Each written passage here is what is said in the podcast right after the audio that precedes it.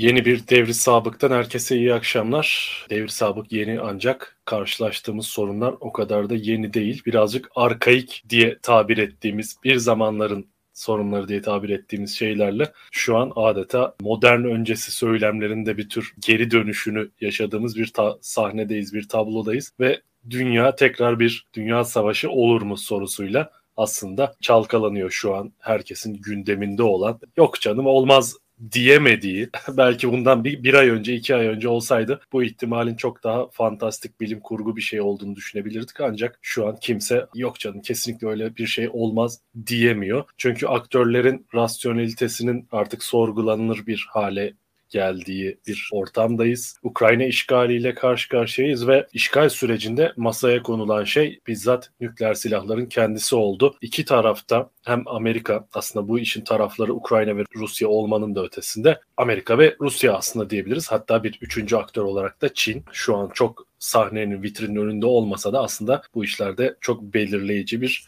dinamik olarak onun da ele alınması gerekiyor. Ancak şu anki gerilimin iki ana aktörü olan Amerika ve Rusya arasında iki tarafında başkanları düzeyinde bir dünya savaşı ihtimali zikredilmiş bulundu ve Rusya sık sık nükleer silah vurgusu da yapıyor Ukrayna'daki bir tür aslında yaşadığı tıkanmayla ilgili.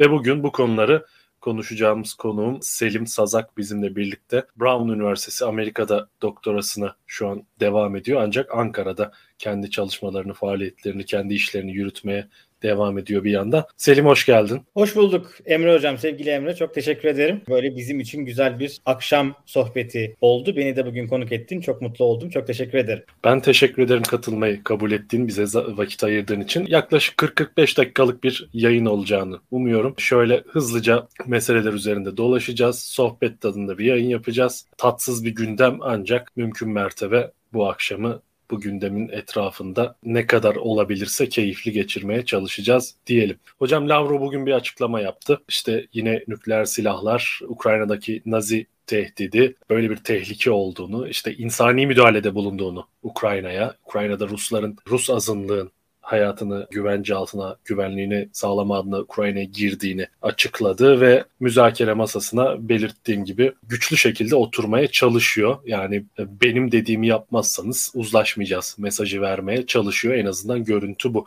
Nasıl değerlendiriyorsun? Konuya bu açıklamanın üzerinden girelim derim. Şimdi ben kendi değerlendirmeye başlamadan önce bir şerh düşeyim. Benim İyi Parti'de bir danışmanlık rolüm olduğunu kimi okurlar da paylaşmışlar gündüzki tweetlerimizin altına. Bugün parti kimliğimden bağımsız olarak buradayım. Partinin bu konuda çok deneyimli isimleri, yetkili kurulları var. Ben onlardan birisi değilim. Dolayısıyla parti adına konuşmaya, görüş beyan etmeye yetkili de değilim. Bugün burada söylediklerim kimseyi töhmet altında bırakmasın. Yarın öbür gün vay sizin adamınız şöyle demiş demesinler. Dolayısıyla ben bugün bireysel kimliğimle ve bu konuyu biraz böyle okumuş, çalışmış birisi olarak buradayım. Türkiye'nin aslında çok nükleer alanında önemli uzmanları var. Biz bu konu yani nükleer silahlı bir ülke olmadığımız halde bu konuda ciddi uzmanlık sahibi, bu konuda ciddi akademik uzman yetiştirmiş bir ülkeyiz. İşte MEF Üniversitesi'nden Mustafa Kibaroğlu ki benim de lisans öğrenciliğimden hocamdır. Çok kıymetli birisi. İşte Hacettepe'de sevgili Şebnem Hoca, Şebnem Udum, Doğu Akdeniz Üniversitesi'nde Aylin Gürzel. Bu isimleri biz çok sıklıkla göremiyoruz. Sanıyorum bir tek Mustafa Hoca dün teke tek yayınında olmalı. Fatih Altaylı ile okul arkadaşıdırlar. Dolayısıyla hani orada öyle bir tanışıklık olmuş olacağını zannediyorum. Ne de iyi olmuş. Ama ne nükleer meselesi bizim çok böyle bildiğimiz, anladığımız bir mesele. Türkiye'nin kamusal diyaloğunda. Ne de Türkiye'deki bu işi bilen uzmanların böyle çok popüler olduğu, medya önüne çıktığı bir mesele. O yüzden de böyle çok kısaca bunun ne olduğunu bir anlatmak lazım. Çünkü nükleer savaş tehdidi çok korkunç bir şey tabii. Yani Princeton Üniversitesi'nin bu konuda bir simülasyonu var. Günlerdir de internette geziyor yani insanlar da keşfetmişler. Yani işte çok bütüncül, topyekün bir nükleer savaşın böyle birkaç saat içinde 85 milyon 90 milyon insanı öldürme ve kalanlara da kalanları da öldürmediyse süründürme gibi bir gücü var. İşte taş devrinde yaşama imkanı. Tabii taş devrinde taş devrinde tek yönlü bilet imkanı var. Bunun nasıl olduğunu bir anlamak lazım bir kere. Şimdi nükleer silahlanma postürü yani bir ülkenin nükleer kuvveti aslında üç sac ayağı üstüne oturuyor. Buna yabancılar triad derler. Bu bir kara gücü, bir hava gücü, bir de deniz gücünden oluşur. Her ülkenin deniz gücü yoktur. Çünkü nükleer silahlı denizaltı geliştirmek çok kolay bir şey değildi. Ama mesela Amerika'nın, Çin'in, Rusya'nın falan var. Zaten Hindistan'ın da var sanıyorum. Evet Hindistan'ın da var hatta eminim. Şimdi burada kara bileşeni iki tipli olabilir. Bunlardan birisi silolardır. Bir diğeri TEL denen kara bazlı mobil fırlatıcılar. Bunları biraz şey gibi düşünebilirsiniz. Yani El-Kaide'nin böyle Toyota pick-up'ın arkasında giden adamları gibi düşünün. Ama Toyota pick-up yerine orada dikine kalkan bir tane füze fırlatıcısı vardır. Hava bileşeni bombardıman uçaklarıdır. Deniz bileşeninde bahsettiğim denizaltılardır. Bu denizaltıların takibi çok zordur. Çünkü bunların akustik ayak izi çok düşüktür. Bunlar çok sessiz. Dolayısıyla sonar teknolojisi falan bulunması çok zor denizaltı. Şimdi burada nükleer tehdidin gerçekliğini ya da ciddiyetini ölçmenin bir takım maddi imkanları var. Bu nedir? İşte silolarda hareketlilik görürsün. Hatta ülkeler birbirlerine mesaj vermek namına yere gömülü siloların kapaklarını açarlar. Biraz Tom Clancy filmleri gibi hayal edin böyle buharlar falan çıkarak o silo kapakları açılır uydudan görülsün diye. Çünkü bugünün dünyasında devletlerin birbirlerini böyle 8-10 dakikalık aralıklarla uydu görüntüsünden görebilme imkanları var. Özellikle Amerika ve Rusya gibi birbirinin hedef alanlarını çok yakından takip eden ülkelerin. İkincisi silahlar özellikle şeyde bu TEL denen kara bazlı fırlatıcılarda hareket görürsünüz. Neden? Çünkü bu neticede bir oyun gibi hayal edin. Karşı ilk ilk hamleyi kimin yapacağını ölçmeye çalışıyorsunuz önce. Sonrasında da ilk hamleyi ne kadar hasarlı atlatacağınızı ve bir ikinci hamle gücünüzün olup olmayacağını tartıyorsunuz. Buna işte first strike capability, second strike capability, counter force falan gibi isimlerle hitap ediyorlar doktrinde. Bu şu demek. Şimdi diyelim ki biz ikimiz iki nükleer silahlı ülkeyiz. Ben çok kızdım hocam sana. Dedim ki artık tamam ben bıktım bu Özgün Emre Koç'tan. Dolayısıyla ben bunun tepesine artık atayım nükleer bombayı. Şimdi ben tuşa bastığımda seni imha edersem sıkıntı yok. Edemezsem ya da ben seni imha edebilene kadar sen de bana nükleer silah atarsan o zaman sıkıntı var. Dolayısıyla birinci ama olabildiğince karşıdakinin sana cevap verme yani mukabele etme gücünü ortadan kaldırmak. Bunun için ne yaparsın? Karşı tarafta kendini koruyacak. Kendini koruyan taraf ne yapar? Mesela bu karabazlı fırlatıcıları dağıtır. Böyle den şeylerin dağların içinde tüneller falan kazarlar bu amaç için. Buralara saklarlar. Neden? Çünkü yani dağı patlatamayacağın için. Oradan bir tane füze çıkar, gelir New York'u vurur, gelir Washington'ı vurur. Bunu sağlamaya çalışır. Ne yaparsın? Mesela uçaklarını bombayla yüklersin. Çünkü bu uçaklar bombalı beklemezler. Kaza olur, patlar, sıkıntı. Ama ne olur? Mesela uçağını pistin yanına getirir bekletirsin, görülsün diye. Ya da havaya kaldırırsın silahlı olarak. Rusya Topol balistik füzelerini böyle bir sosyal medyadan servis etmişti bunların görüntülerini birkaç gün önce. Tabii ama burada Kıtalar şey arası füzeleri. zaman yani bu işleri yakın takip eden isimlerin bu konudaki değerlendirmelerine baktığımız zaman mesela işte Monterey Enstitüsü diye bir yer vardır Amerika'da. Onlar bu konuda çok böyle ihtisas yapmıştır. Orada mesela Jeffrey Lewis diye birisi vardır. Jeffrey Lewis bu meseleleri çok yakından o uydu görüntülerini filan takip etmekte. Jeffrey ve ekibi çok usta, ehil insanlardır. Böyle bir hareketlilik olmadığını söylüyor. Ama öte yandan da Putin'in ben emir verdim lafı var. Emri ben verdim lafı. Sergey Shoigu'nun da hani işte biz güçlerimizi savaş durumunu hazır hale getirdik getirdik demeci. Bu ne demek? Bu aslında her an tüm bu güçler belli bir hazırlık düzeyindedir. Teyakkuz haline geçirmek denir ya bizde. Bu güçler teyakkuz haline geçirildi demek. Şimdi bizim kaygılanmamız yani bu işin uzmanlarının kaygılanmamızı gerektirdiğini söyleyen gelişmeler henüz yaşanmadı. Ama bu kaygılanmamamız için sebep değil. Benim değerlendirmem şöyle bireysel olarak. Ben Ukrayna işgalinin Putin yönetiminin planladığı gibi gitmediğini diyorum. Bu zaten yaygın kanı. Evet. Benim tahminimce ki bunu vaziyette de bir seri olarak yazıyorum birkaç gündür. Oradaki Bugün hatta bir bak e, röportajın yayınlanacak zannedersem doğru mu? Biliyorum? değil. Cem Gürdeniz'le bir röportaj yapmışlar. Öyle mi? Cem Gürdeniz de Atatürk yaşasaydı ona da Rusçu derlerdi demiş. Dolayısıyla çok olay bir röportaj. Yani keşke benim de o kadar olay bir röportajım olabilse ama ben Cem Gürdeniz kadar alışılmadık bir profil olmadığım için benim o kadar olaylı bir şey söyleme ihtimalim Allah'a şükür pek yok. Beri tarafta ilk yazdığım yazıda şeyi anlat. Benim tahminim Ukrayna'yı özellikle Kiev'i böyle 6-7 saatlik bir oldu bitti operasyonuyla ele geçirmeyi tasarlamış Rusya. Bunun çok zor olmayacağını hayal et. Çünkü orijinal tahmin şuydu. Dinyeper Nehri böyle tam ortadan böler. Hı hı. O Donetsk ve Luhansk bölgeleri yani Donbas denen bölge zaten Rusya'nın elinde. Evet. Burada da burası biraz Bursa Kocaeli falan gibi yani şeyin Ukrayna'nın sanayi bölgesi. Ağırlık merkezinin olduğu yer. Burayı ele geçirip Kiev'i ekonomik muhasara altına alıp ya bölmek yani yarısı kendine yarısı batıya bağlı bir Ukrayna yaratmak ya da belki onun getirdiği baskıyla Zelenski'yi alaşağı etmek. Böyle olmadığı anlaşılıyor. Yani çünkü bu, bunu bekliyorduk böyle olmadı. Kiev'e yürümeyi hedeflemiş Moskova. İlk planı oymuş. Orada da çok dağınıklık, böyle bir lojistik problem, birbirine evet. giren konvoylar filan. Dolayısıyla bugün savaş sahası bir dengeye oturdu. Bu denge Batı'nın Ukrayna'yı müzakere masasına çekmesini zorluyor. Çünkü Rusya bugün Ukrayna'yı müzakereye zorlayacak durumda değil. Eğer şey olursa böyle ciddi bir hani sivilleri filan hedef alan topyekun bir savaş olursa Rusya iyice izole olacak. Ukrayna'da direniş zaten örgütlendi. İlk birkaç gün ya bakalım ne oluyor Swift'ten de çıkarmayalım işte kask yollarız filan diyen Batılılar şimdi oradan caydılar artık böyle açık açık destek vermeye başladılar. Dolayısıyla bak bu işi büyütürüm ha sen Ukrayna'yı masaya getir. Hani bu işi masada çözelim gibi bir tehdit, bir ultimatom seziyorum ben. Ama korkulması gereken savaş değildir. Korkulması gereken kazadır. Çünkü siz evet. ne kadar çok nükleer silahı ortaya dökerseniz yani işte uçağı yüklerseniz uçakla havada gezdirirken düşüverir. Çünkü risk şeyi formülü zarar çarpı olasılıktır. Olasılık ne kadar düşük olursa olsun zarar çok büyük olduğu için bu işin peşinden karışık işler çıkar. Dolayısıyla bu sorunun soğutulması herkesin lehine. Ben bir savaştan korkmuyorum ama bir kaza, bir tökezleme, hiç ummadığı, kimsenin tam da niyeti olmayan bir iş ortalığı karıştırır diye biraz kaygılanıyorum. O doğrudur. Aslında bir süreç öngörülemeyen şekilde de tırmanıyor bir şekilde. Yani taraflar altına girdikleri taahhütleri yerine getirebilmek için giderek daha fazla borçlanmak durumunda kalıyor gibi bir durumla karşı karşıyayız. Yani Rusya bir hamleye kalkıştı. Bir belki de bir blitzkrieg denilen işte bir yıldırım harekatıyla hızla Kiev'i senin de dediğin gibi zapt bir şekilde edecekti. evet zapt edecekti. Etkisiz hale getirecekti. Hızla orada bir iktidar değişikliği, değişikliği gerçekleşip statikoyu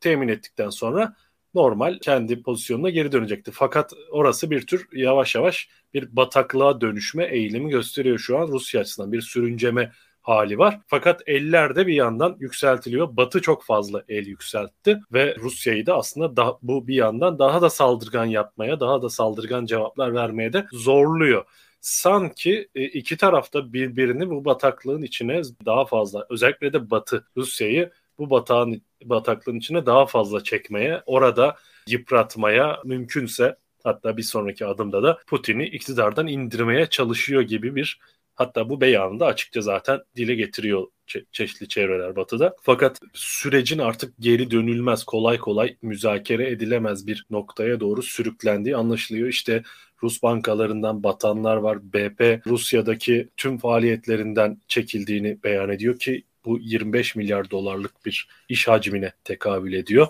Bu muazzam bir yani finansal büyüklük hem Rusya'ya zararlı hem de Batı'nın aslında almayı taahhüt ettiği riskin de büyüklüğünü gösteriyor bir yandan. Giderek bir sanki restleşme ikilemine giriliyormuş gibi bir yandan da bir takım açıkçası endişeler yükseliyor diye düşünüyorum hocam. Sen ne düşünüyorsun? Ya burada Ukrayna Savaşı'nın sonuçlarını ya da Ukrayna işgali demek bunu Ukrayna işgalinin sonuçlarını hem biz hem dünya bambaşka biçimlerde hissedecek. Biz bunları kendi içimizde çok konuşmuyoruz. Çünkü henüz herkes savaşın görkemi diyeceğim bunu ama yani bunu iyi anlamda söylemiyorum. Savaş çok böyle insanın dikkatini cezbeden, gündelik akışı çok hızlı, yani alışkın olmadığımız bir olay. Halbuki buradaki daha büyük değişiklikler muhtemelen orta vadede ve hiç beklemediğimiz coğrafyalarda hissedilir. Bu ne anlamda söylüyor? Ukrayna dünyanın en önemli tarım ihracatçılarından birisi. Mısır ve buğday üretiminin, dünyanın mısır ve buğday üretiminin %10-12 kadarı Ukrayna tarafından gerçekleştiriliyor ki Rusya da bu pazarda çok büyük bir oyun. Şimdi bu tahılların ekimi Eylül-Ekim ayında gerçekleşir. Yani bunlar şu an toprakta. Normalde hasat Temmuz ayında gerçek. Ama bu sene o buğday tarlalarının üzerinden gördüğümüz üzere tanklar, toplar, füzeler geçiyor. Dolayısıyla zaten şu anda Ukrayna'nın ambarlarından ihracat yapılamadığı için ve tahıl opsiyonları öngörülemedi. Son 15 yılın ya da son 12 yılın olsa gerek en yüksek seviyesinde tahıl fiyatları dünya. E zaten pandemiden sonra özellikle pandemide piyasaya salınan artan paradan ötürü çok ciddi bir enflasyon vardı Amerika'da filan değil mi? Fransa'da %7 artıyormuş o yüzden 100 dolarlık sepetler 700 dolar. 700, 700 dolar evet.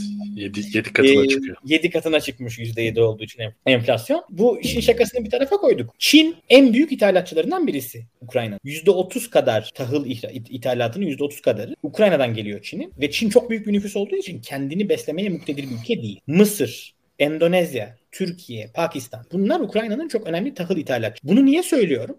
Arap Baharı kimi analizlere göre kısmen gıda fiyatlarının yükselişiyle ilgili bir kalkışma. Değil mi? Yani işte şeyde Mısır'ı hatırlarsanız adalet, hürriyet, ekmek böyle elinde baget olan insanlar Tunus'ta, Mısır'da filan şeye meydanlara dökü. Çin'de tahıl fiyat, tahıl talebi arttı. Böyle büyük bir kuraklık oldu. Arap Baharı'nda oldu. Aynı sene Amerika'da etanol yasası geçti. Dolayısıyla Mısır talebi içeride çok arttı. Küresel piyasada fiyatlar arttı ve dünyanın gıda bakımından en güvensiz coğrafyası Orta Doğu bunu buram buram hissettim. Şimdi bizim gibi ülkeler Orta Doğu'da gıdaya dış, gıdada dışa bağımlı diğer coğrafyalarda bunun sonuçları çok sert hissedilir. Mesela Türkiye örneğine bakalım. Hiç petrol, doğalgaz, Rusya, Musya işte turistler onlara hiç değinmiyorum. Onlara birazdan değineceğim. Ama mesela bir küresel emtia fiyatları artacak yani tahılın küresel borsalardaki fiyatı artacak değil mi bir? İkincisi kim gidip alacak hocam Ukrayna'dan malı? Navlun fiyatları artacak. Daha bugün Yalçın Sabancı'nın Yasa Holding'in bir gemisi şeye Kargil'e verilmiş gemisi havan topu darbesi aldığı Odessa açığında bir yerde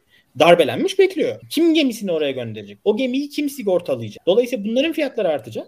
Küresel Bunların olarak. enerji maliyetleri de artıyor bir yandan. Enerji maliyetleri artacak. Üstüne bizim adımıza kur riskleri var zaten. Bunların hepsini toparlayınca böyle üçlü bir kriz var orada. Gıda fiyatlarının, enerji tedariğindeki vaziyet zaten ortada. Bunu herkes söylüyor. Yani işte petrol, doğalgaz, Rusya'ya dışa bağımlılık nasıl olacak? Hepimiz hissediyoruz olan biteni. Benzinin fiyatı olmuş 18. Dolayısıyla bizim gibi ülkelerde Rusya ile Ukrayna ile gıda ve veya enerji ticareti olan ülkeler çok ciddi sonuçlar doğurur bu. Ve kimi yerlerde Orta Doğu'da, Mısır'da, Tunus'ta olduğu gibi bunların rejim etkileyecek sonuçları olabilir. Buna dikkat etmek. İkincisi bizim adımıza bir problem daha var o da şu. Sberbank şeyin Rusya'nın en büyük bankalarından birisi. %95 oranında değer kaybetti. Ekim ayında 14 dolardı yaklaşık hisse fiyatı. Şimdi 2 sent yanılmıyor. Dolayısıyla Rusya'nın, Rusya'daki küçük yatırımcının sermayesi, varlığı büyük ölçüde yok oldu. Hava sahaları zaten kapandı. Airbus, Boeing, Rus havayolu şirketlerine hizmet vermeyeceğini söylüyor. Türkiye'de mevcut hükümetin en önemli beklentilerinden birisi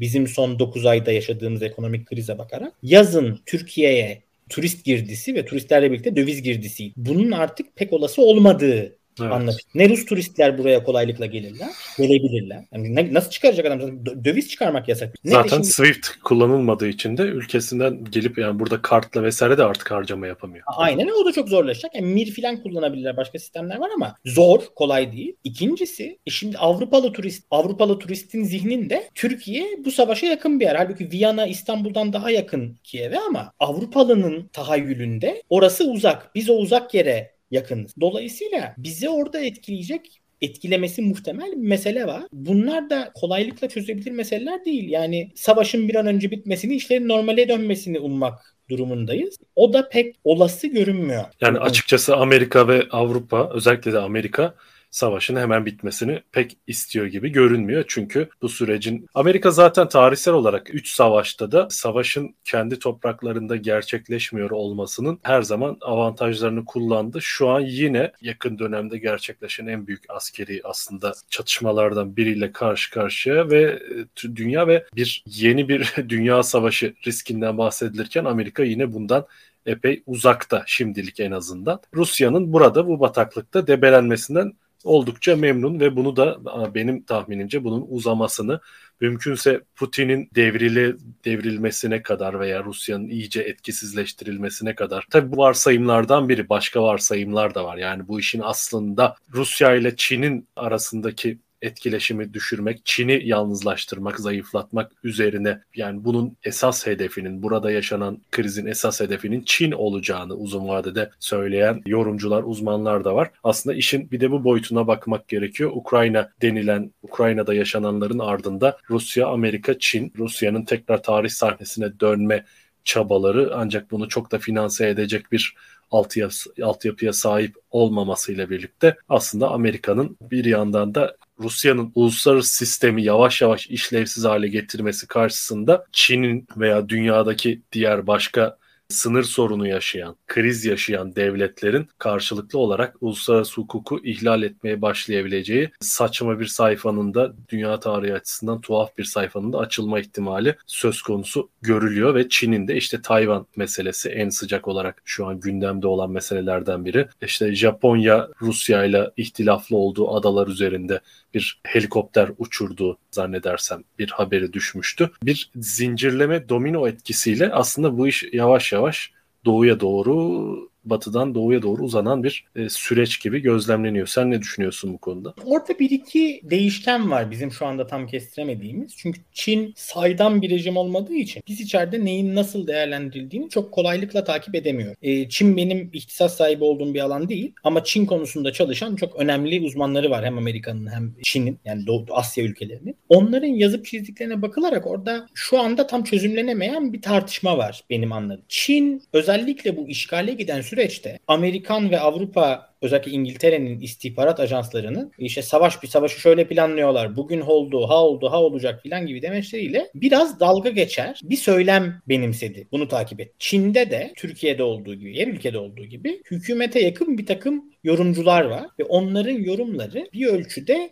hükümetin, devletin ne düşündüğünü ölçmek adına önemli bir barometre. Onların süreçteki söylemlerine bakılırsa Çin'in Rusya'nın böyle bir işgali tasarladığından geç haberdar ol ya da bu biçimde bir işgal tasarlamadığını yani işin bu kadar çetrefilleneceğini düşünmediğini söylemek mümkün. Eğer öyleyse bunun iki sonucu olur. Bunlardan birincisi şimdi zaten pandeminin peşinden Çin'le ilişkili küresel tedarik zincirlerinin yeniden yapılanması ile ilgili bir hamle, bir ivme başladı. Çünkü pek çok Amerikan şirketi, pek çok Avrupa şirketi Çin'den tedarikte bulunamadılar. Çin'den tedarikte bulunamadıkları için bu zaten ülkelerin içinde de çok popüler bir siyasi var. İşte biz yeniden üretimi içeri getireceğiz. Müttefik ülkelerle ticaret yapacağız. İşte Çin'e bağımlılığımızı azaltacağız. Hem, hem Amerika'da hem Avrupa'da çok yaygın konuşulan bir mesele oldu. Şimdi benzer bir durum özellikle Rusya'ya dair Orta ve Doğu Avrupa'da. Çünkü Doğu Avrupa ülkeleri zaten Avrupa'nın geri kalanının Rus tehdidini yeterince ciddiye almadıklarını düşünüyorlardı. Böyle davranıyorlardı. Bu çok konuşuluyordu. Yani Avrupa Birliği'nin karar verici kurullarında çok süre giden bir tartışmaydı bu. Artık bu meselenin bir tartışma olarak çözümlendiği anlaşıldı. Çünkü Doğu Avrupa'nın bu konudaki kaygıları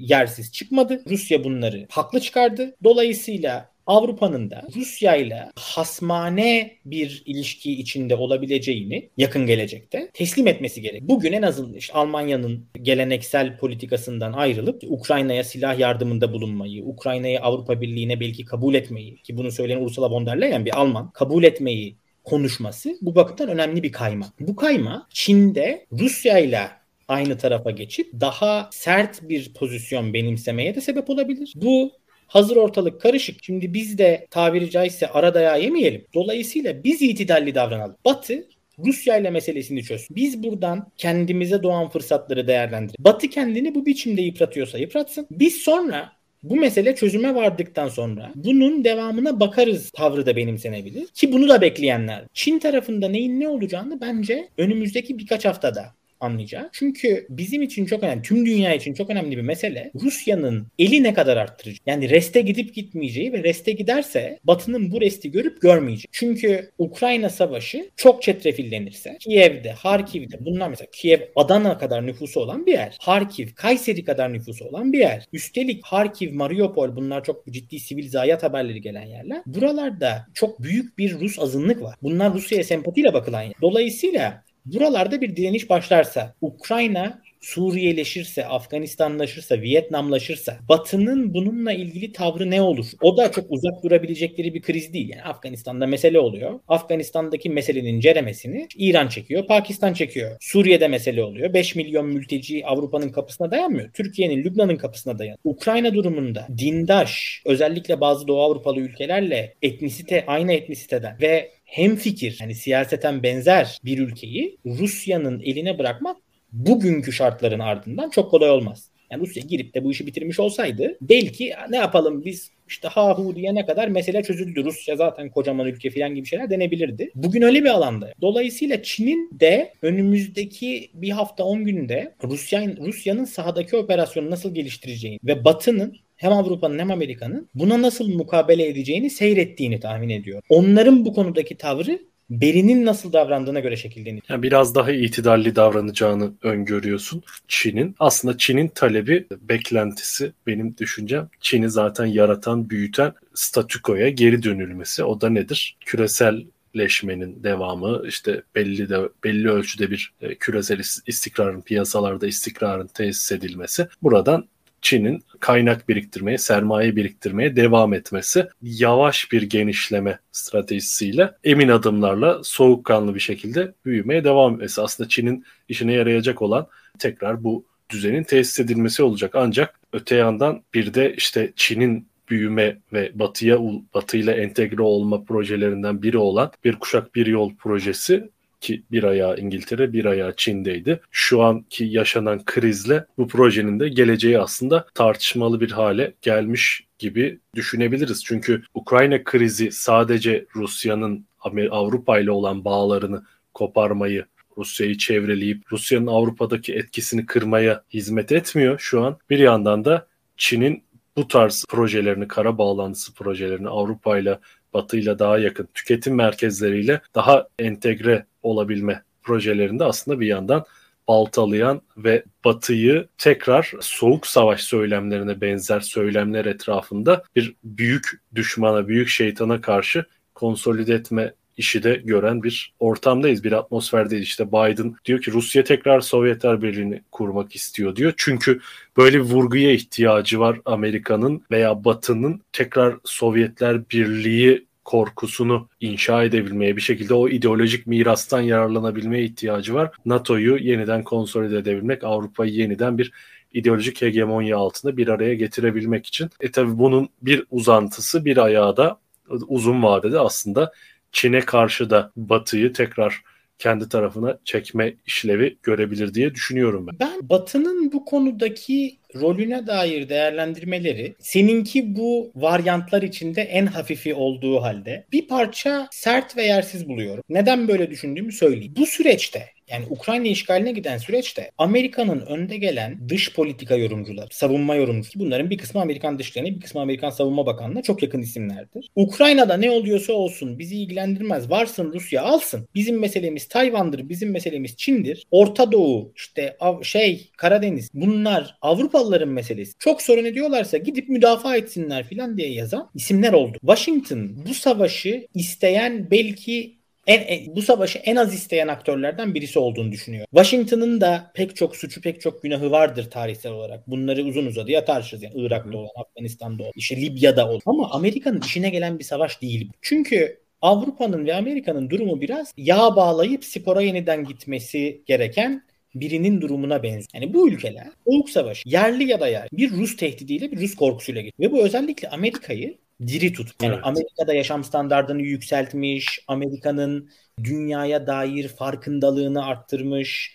İngilizlerin, Amerikalıların dünyaya dair bilgisine bakın bir kere yani. Bizim adını bilmediğimiz kabileleri, tarikatları, işte coğrafyaları gelmişler, çalışmışlar, buralara adam göndermişler filan. Bu bir zihin. Bu zihinden, bu tahayyülden ayrılıp biz kazandık. Artık tarih bitmiştir. Francis Fukuyama'nın işte söylediği gibi. İşte serbest piyasa, mülkiyet hakkı, liberal demokrasi kazanmıştır. Dolayısıyla artık herkes bize benzemeye çalışacak.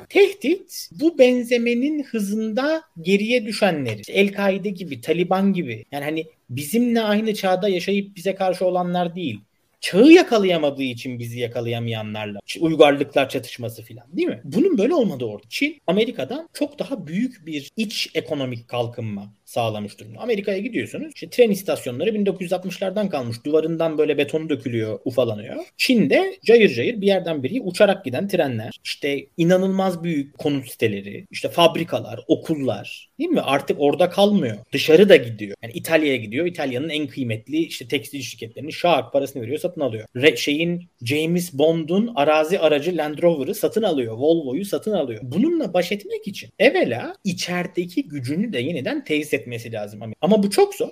Bir ideolojik olarak Amerika'nın kendi ideolojisinde çok kuvvetli bir işte Amerikan rüyası fikri yani çok çalışan kazanır, kazanamayan tembeldir. Şeyde de var. İslam'da bir hadis vardır. El kasibu habibullah. Para kazan Allah'ın sevgili kuludur. O Hristiyanlıkta da var. Amerikan kültüründe de var. Biz, biz çok zengin olduk. Allah'ın sevgili kulu olduğumuz. Şimdi beri tarafta işin böyle olmadığı ile ilgili bir yüzleşme var. Yani bundan 60 sene 70 sene önce USAID çalışanlarının işte ziraat mühendislerinin gidip işte bu pirinçtir bunu ekin bu pirinci ekerseniz aç kalmazsınız filan dediği adamlar bugün Amerika'ya kök söktürüyorlar. Bu yüzleşmeyi ne kadar geciktirebilseler Amerikalılar için Avrupalılar için o kadar iyi olurdu. Ama bugün şartlar buna müsaade ediyor. Yani İngilizler için iş ne kadar karışık bir hale geldi. Baksanıza yani şimdi Roman Abramovich'i Chelsea'nin başından almaya çalışıyorlar. İşte malına mülküne el koymaya çalışıyorlar. Ama Londra'daki gayrimenkul piyasası çöker diye tüm oligarkların peşine gidemiyorlar. E şimdi bu oligarkların peşine gittiğinde bu adamların bu parayı hangi avukatların, hangi muhasebecilerin, hangi emlak bürolarının üzerinden getirdiğiyle ilgili de yüzleşmeye ihtiyacı. E bunların en başarılıları muhtemelen bugün senin milyarderlerin, belki seninle para ilişkileri, siyasi ilişkileri. Dolayısıyla dönüp bu itirafta da bulunamıyorlar. Biraz şeye benziyor. Derusifikasyon Avrupa'da denazifikasyona benzer. Çin'den bağımsızlaşma, Çin'den ayrışma işi de Amerika'da benzer. Çünkü bu işten çok para kazanıldı. Çok büyük servetler bu ülkeler büyürken İngiltere'ye, Amerika'ya aktı. Oxford'ları, Cambridge'leri çok uzun zaman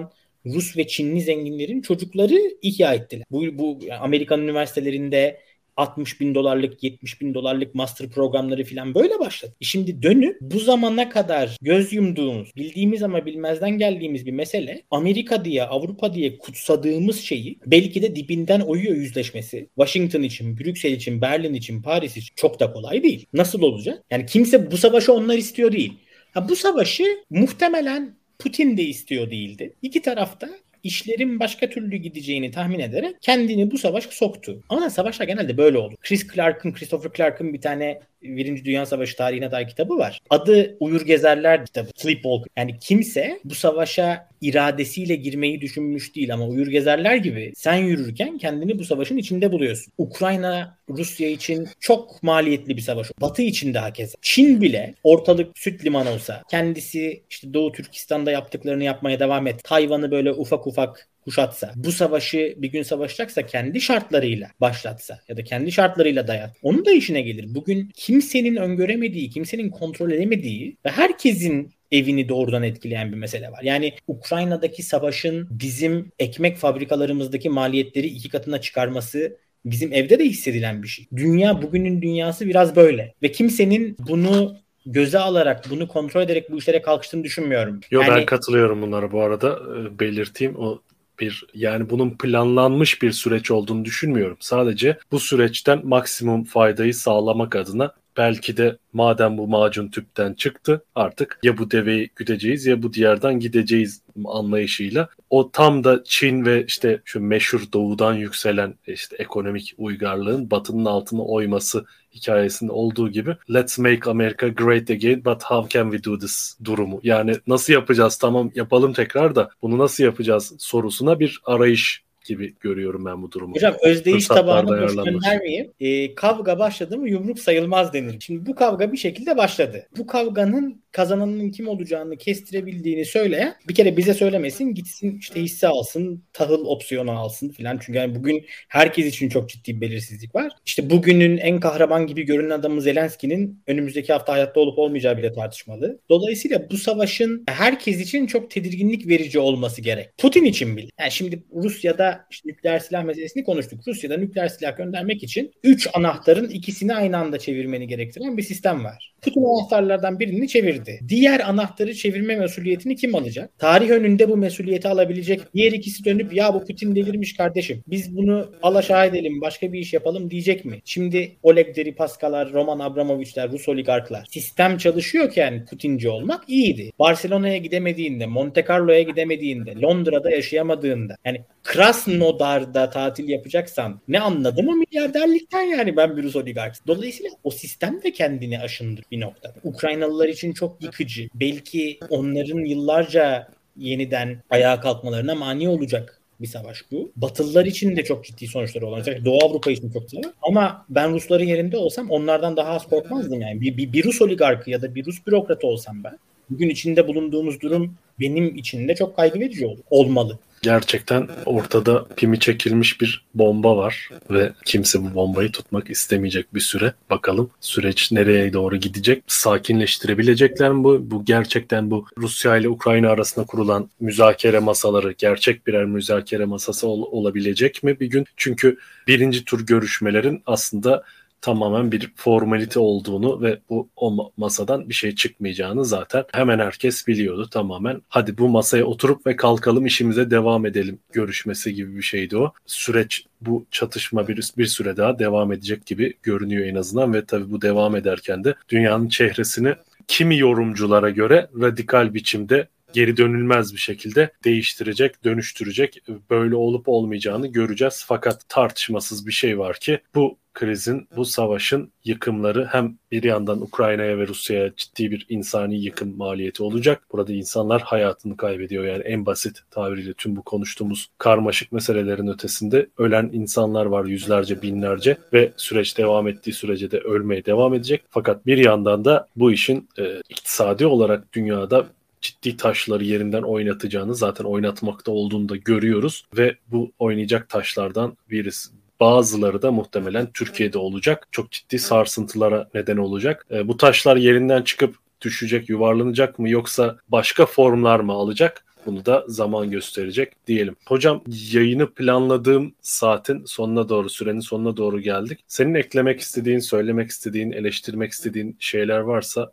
alalım ve yavaş yavaş kapatalım. Aslında bu konu hakkında konuşacak, sohbet edecek çok şey var ama izleyicilerin sabrını çok zorlamadan... Ünitaj önemli. 45. dakikadan sonra evet. artık kendimizi izletmek zor olur. Aynen. En son şunu söylemek lazım. Ben ben bu meseleye tarafsız bakan birisi değilim. Ben bu meseleye taraf. Çünkü Kırım meselesi, Kerkük meselesi, Sincan meselesi bunlar benim bireysel olarak önemsediğim konular. Kimse benim dediklerimi de alıp Allah'ın kelamı gibi hani bunu sahiplenip buna inanmasın. Ama burada şunu söylemek lazım. Türkiye'de bu meseleyle ilgili yani Ukrayna işgalinin ardından yaşanan tartışmaları ben bizim adımıza çok kaygı verici bu. Türkiye NATO üyesi olmayabilir. Bunun yolu belli. Madde 13 var. Madde 13 uyarınca Türkiye Cumhuriyeti Devleti bağımsız ve müstakil bir devlet olarak gider. Der ki ben artık NATO üyesi olmayacağım. Bu tek layıhalık bir iştir yani. Bir sayfa bir yazı. Türkiye Cumhuriyeti Devleti bu iradeyi göstermek isterse gösterebilir. Bu hakkıdır. Biz bunu kendi içimizde tartışırız. NATO diye bir şey yoktu. Yarın da olmayabilir. Olmak zorunda değil. Olsa da biz onun içinde olmak zorunda değil. Ama kendi iç hesaplaşmalarımız. Falancanın savaşı ya da filancanın savaşı işte biz Türkiye'de falanca partinin mensubuyuz ya da karşıtıyız diye Türkiye'nin milli menfaatlerini meze etmemek lazım. General de olsak, gazeteci de olsak, sıradan bir esnaf, işte sanatkar, işçi de olsa bu böyle. Bunu fark etmemiz lazım. Bizim ali menfaatlerimiz önemli. Ben Ukrayna meselesini önemseyen Kırım bir Kırım Türkiye olarak söylüyorum. Türkiye Kırım için savaşa girsin diyemem. Çünkü Türkiye'nin milli menfaatleri bundan ayrı. Türkiye'nin menfaatleri doğrultusunda bu mesele meseleye hassasiyet gösterilmesi gerek. Ama falancadan yana savaşa girelim, filancadan yana savaşa girelim, falanca ittifaktan çıkalım. Yani NATO'ya 14 ülke katıldı. Bunun 14 Doğu bloğu ülkesi katıldı. Bunların 11'i 2002'den sonra katıldı. Adalet ve Kalkınma Partisi döneminde katıldı. Bunların katılması sırasında Türkiye'deki gazetelerde kimse çıkıp tek kelam etmedi. Yani hayır Estonya'nın NATO'ya katılması doğru değildir diye bir tartışma. Türkiye'de olmadı. E şimdi bu mesele nereden çıktı? Birileri Amerikancı, öyle anıyor, anılıyor. Öyle bir resim. Birileri millici. Millicilerin milliliği, Amerikancıların Amerikancılığı da zaten tartışmalı. Kim millici, kim Amerikancı, kim bunu ölçüyor? Bunun karar merci kimdir? Çok özür dilerim. Salak saçma bir tartışma bu yani. Birbirimizin vatanseverliğini tartışarak vatanın menfaatlerini savunamayız. Dolayısıyla aklı başında insanlar bunu aklı başında olarak konuşmak zorunda. Yani işte mesele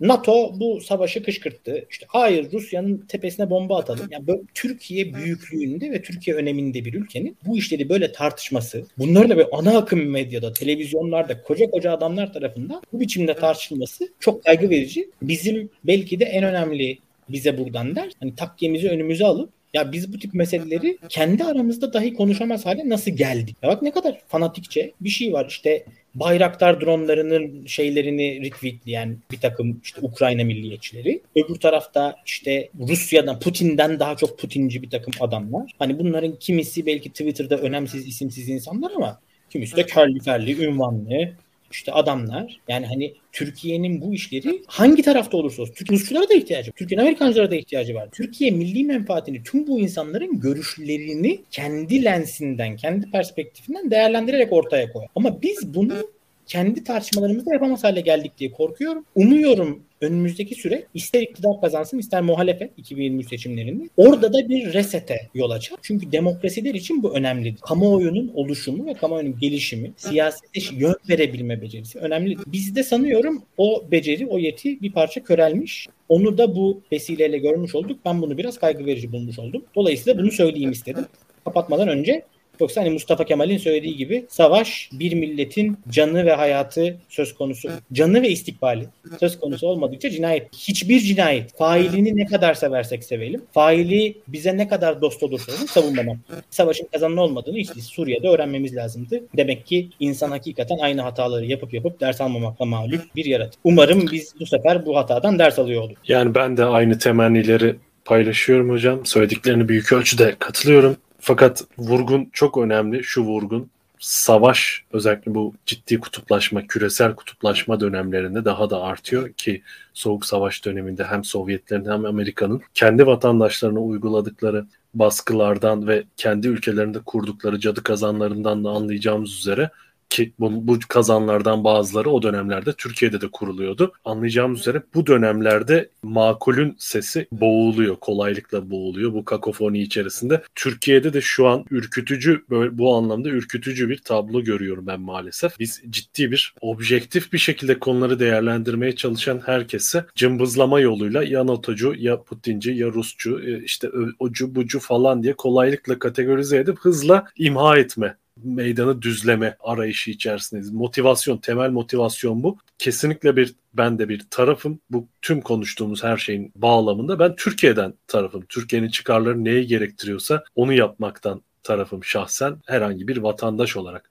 bunu söyleyebilirim. Ve tüm bu meselelerinde bu ana ilke, bu düstur çerçevesinde tartışılabileceğini, tartışılabileceği bir ortamın oluşmasını umarım bir iktidar değişikliğinden sonra daha makul Türkiye'nin çıkarlarını, Türkiye Cumhuriyeti vatandaşlarının çıkarlarını önde tutan bir demokratik bir hukuk devleti inşa edebilirsek ömrümüzün geri kalan kısmı kapsayacak bir şekilde bu tür cadı kazanlarının kurulmasının da en azından belli ölçüde önüne geçebileceğiz diye umuyorum. Çünkü bu küresel çatışma süreci kolay kolay dinmeyecek gibi görünüyor. Biz kendimizi en kısa zamanda korumaya almalıyız diye düşünüyorum ben de. Böylece bağlamış olayım. Böylece bitirmiş bağlamış olalım. Çok çok teşekkür ederim bu Sakallılar Meclisi'nde bugün de beni ağırlamış olduk. Eyvallah. Umuyorum ben teşekkür ederim. Denkleşiriz. İnşallah da gecenin bu saatinde bizimle olan seyircileri sıkmadık. Onları kasvete gark etmedik. Çok Umuyorum fazla te- görüşürüz. Umarım umarım çok fazla teknik terimlere bulanmadan ve e, açıkçası şu cadı kazanın içerisine de düşmekten endişe ederek bir programı kapatıyorum diyeyim. Devri Sabık'ın bu haftada sonuna geldik. Selim Sazak'a çok teşekkür ediyorum katıldığı için. Yayını beğenmeyi, paylaşmayı, yorum yapmayı ve kanala abone olmayı unutmayın diyerek bu yayını da sona erdiriyorum. Herkese iyi akşamlar. İyi akşamlar.